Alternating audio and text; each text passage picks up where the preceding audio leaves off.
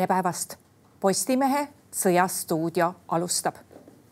mõni päev tagasi ründasid ukrainlased päris edukalt Sevastoopolis asuvat Musta mere laevastiku staapi. meil on stuudios strateegilise kommunikatsiooni ekspert ja Riigikogu liige Peeter Tali, tere päevast. tere vabast Eestist no Peeter, see rünnak läks ukrainlastel küll päris hästi, sest pihta ei saanud ju mitte ainult staabihoone, vaid põhimõtteliselt on see staap seal hävitatud. nii on jah, aga ega siis ukrainlased tegid see, et see rünnak õnnestuks, nad tegid ka väga põhjalikku eeltööd ja see rünnak siis viidi läbi Ukraina erioperatsioonide väejuhatuse ja õhuväe koostöös meisterlikult, ma ütleks Eh, no küsimus on selles, et eh, Krimmi on ju rünnatud kogu aeg. Miks venelased ei suuda kaitsta oma nii olulisi tugipunkte nagu seesama Musta mere laevastiku staap on?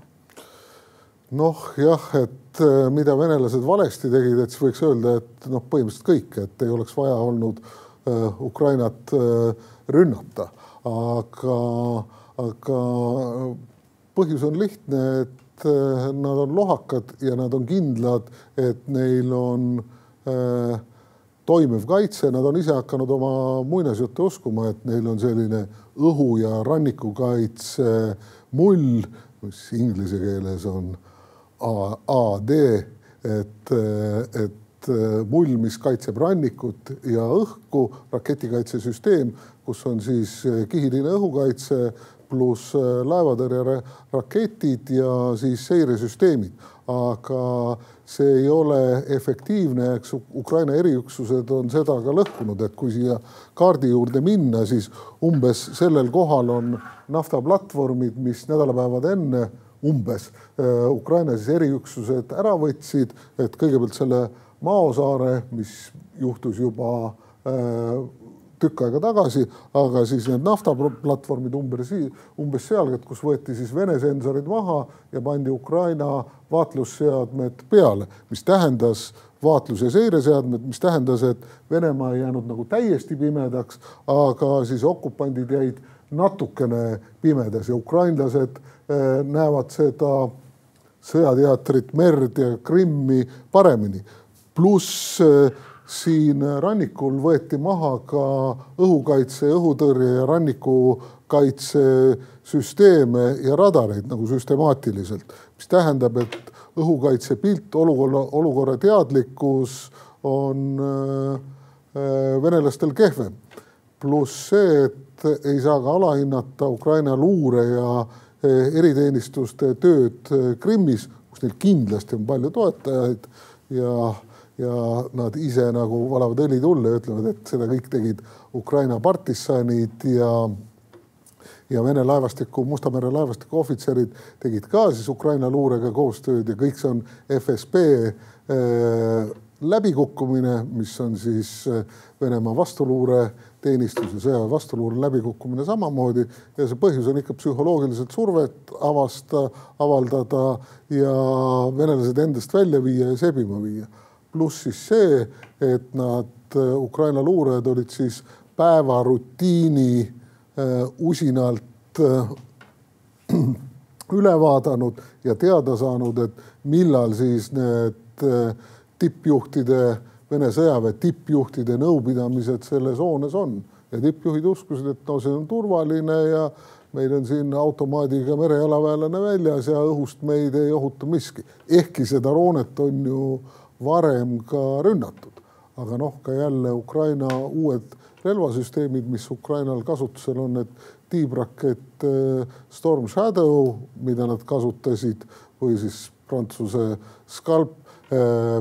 mis on üks seesama põhimõtteliselt rakett, kas siis toodetud, äh, toodetud Inglismaal või Prantsusmaal, et varem ukrainlastel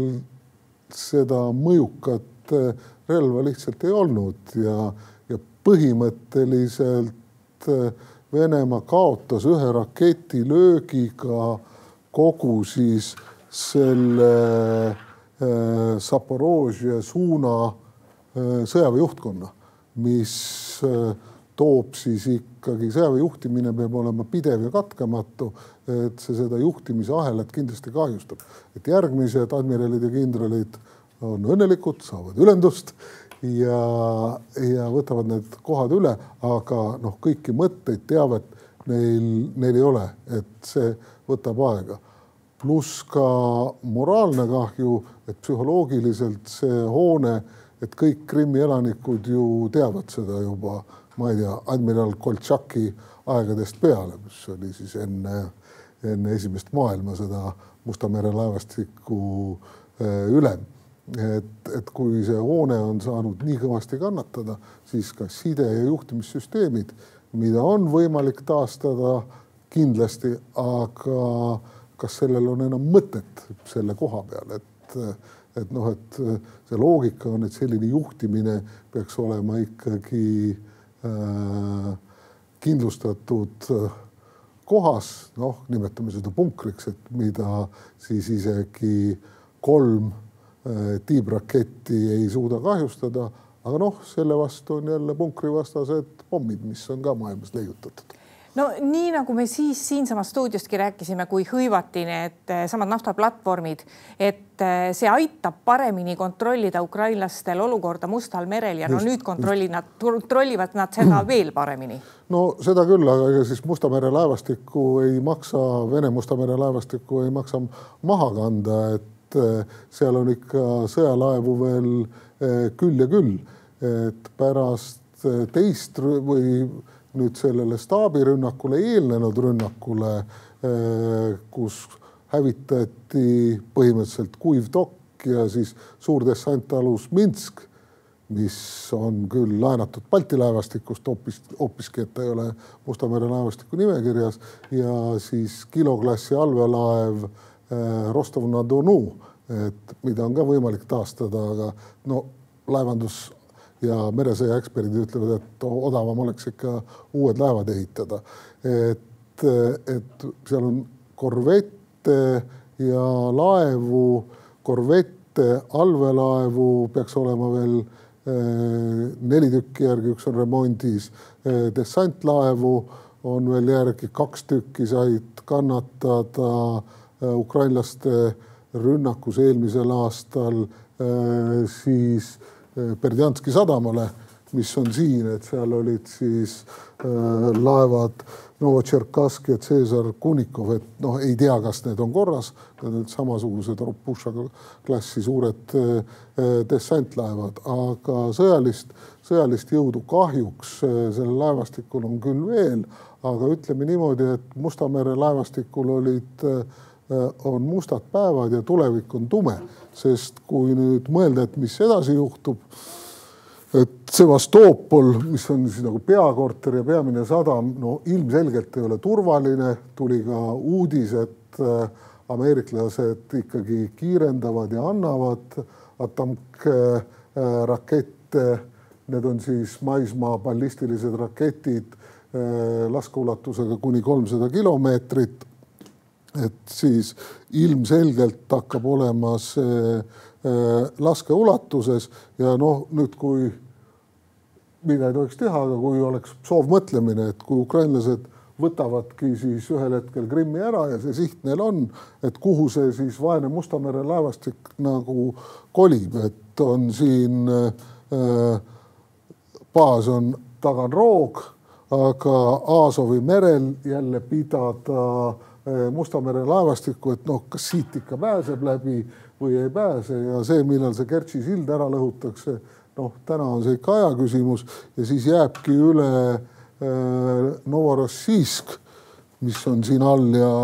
Tuapse, mis on ka Musta mere äh, laevastiku baasid, et noh, et, et ja, ja kui vaadata siis, et laevu ju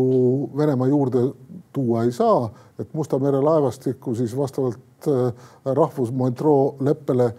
tohivad tagasi pöörduda lae, laevad, mille kodusadam on siis kuskil Musta mere laevastiku baasis, aga Türgi vastavalt sellele leppele, kes on NATO liitlane, äh, Dardanellidest ja siis äh, Bosporuse väinast sõjalaevu juurde ei lase. ja noh, jah, venelastel on, on teoreetiline võimalus siis tuua mööda veeteed väiksemaid laevu, korvette. aga nüüd, kui vaadata Ukraina mereväge, siis Ukraina mereväel ju nagu neid laevade pommitamise nagu kombatante ei ole, et neil on sisuliselt ainult kaatrid järele jäänud ja Ukraina merevägi toimetab ja sõdib väga hästi, et on ikka mere, Vene mereväe surunud nagu väga ebamugavasse positsiooni, noh, et kui vaadata, et kõigepealt uputasid ära äh, niisuguse olematu äh, laevatõrje raketivõimekusega, uputasid ära äh, Musta mere lipulaevastiku, Musta mere laevastiku lipulaeva raketiristleja Moskva ühest ühe kahest äh, Venemaa ristlejast ja pärast seda siis Musta mere laevastiku ülem admiral Ossipov pidi, pidi häbiga lahkuma, aga nüüd äh, admiral äh, Viktor Sokolovil läks hulga kehvemini, et ta lahkus päriselt ja siis, ja siis selle Zaporožje suuna maavägede ülem kindralpolkovnik Aleksandr Romanšuk on raskes seisukorras haiglas ja tema äh, staabiülem kindral Oleg Tsekov,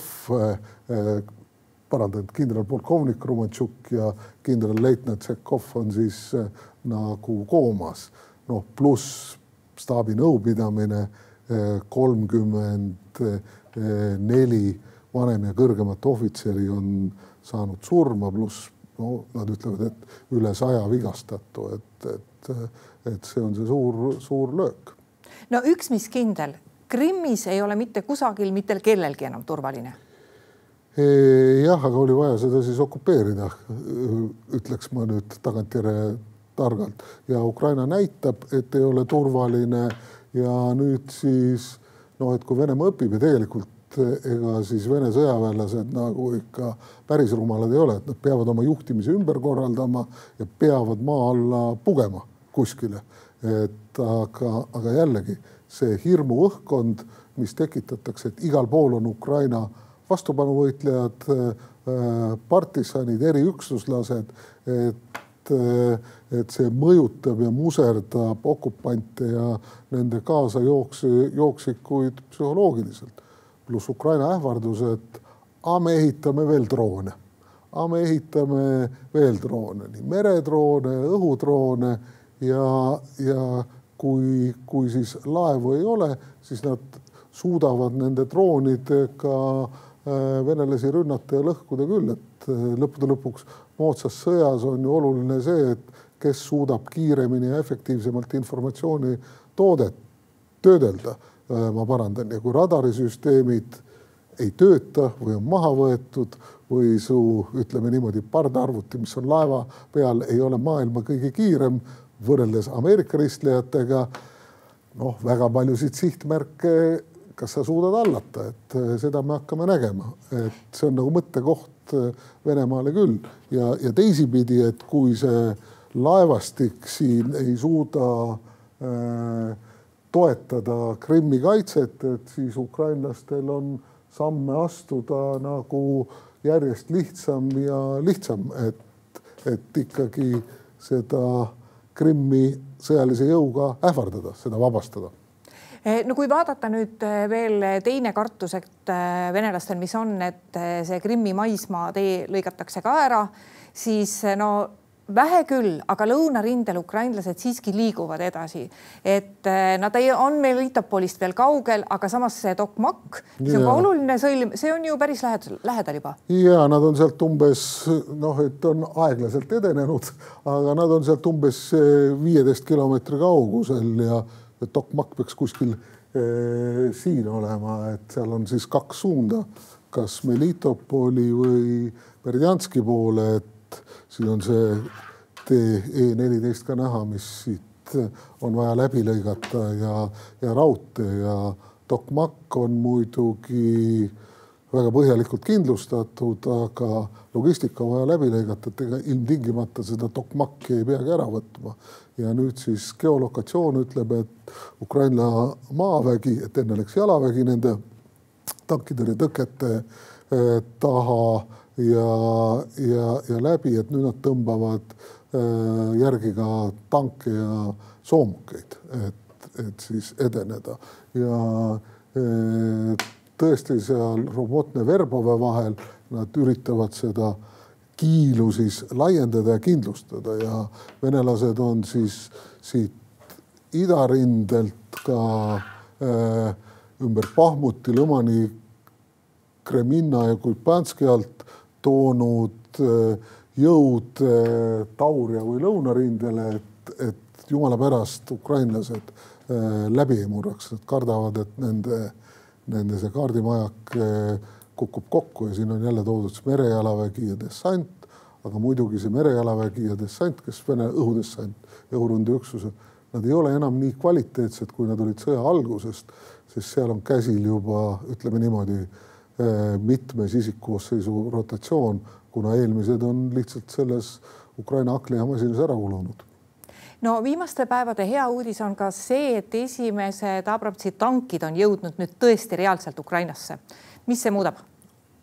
noh, eks see psühholoogiliselt ehmatab äh, äh, venelasi, Vene tankiste kõigepealt ja jalaväelasi ka ja annab ukrainlastele jõudu juurde, aga nüüd, äh, et see on hea asi, aga nüüd Ameerika tankidega, Abramsitega, et kaasneb ka väike miinus, et need on väga rasked ja nende hooldamine on väga mahukas ja keeruline. lahingus on nad üliefektiivsed, et noh, mis on Vene ja, Vene ja Lääne tanki vahe, et Lääne tank näeb kaugemale, laseb täpsemalt ja on kiirem ja sõidab edaspidi ja tagurpidi põhimõtteliselt sama kiiresti, et Vene tank tagurpidi nii kiiresti ei sõida, et seal ei ole, seal ei ole sellist äh,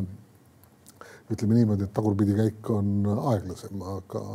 aga manööverdamisvõimsel, võimelt on lääne tankid üle, et see logistiline tagamine ja hooldus on kallis ja keeruline, et me oleme seda, Eesti sõdurid on seda näinud nii Iraagis kui ka siinsamas Tapal, et milline see logistiline seljakott